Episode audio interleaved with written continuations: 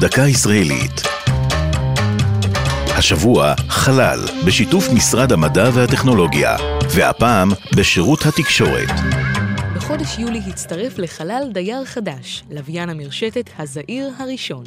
הלוויין ששוגר מרוסיה פותח בארץ בידי חברת ההזנק סטארט-אפ NSL קום.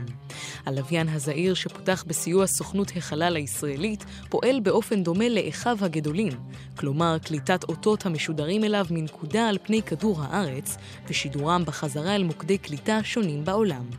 הוא מורכב ממשושה, אנטנה מתקפלת וגמישה, החוסכת מקום ומשקל בעת השיגור, וכך נחסכת עלות רבה.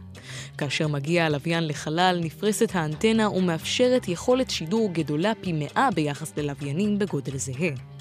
הוא אמנם קטן מלווייני תקשורת אחרים, אך בזכות הטכנולוגיה הייחודית, עתיד הלוויין לספק קצב נתונים גבוה יחסית, ג'יגה בייט וחצי לשנייה, לעומת 20 מגה בייט שמספקים לוויינים בגודל זהה.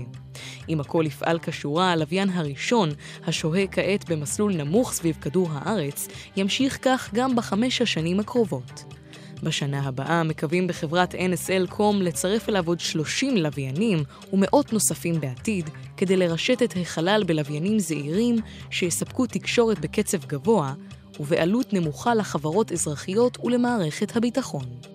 זו הייתה דקה ישראלית על בשירות התקשורת בחלל, לרגל שבוע החלל הישראלי של משרד המדע והטכנולוגיה. כתבה יעלי פוקס, עורך ליאור פרידמן.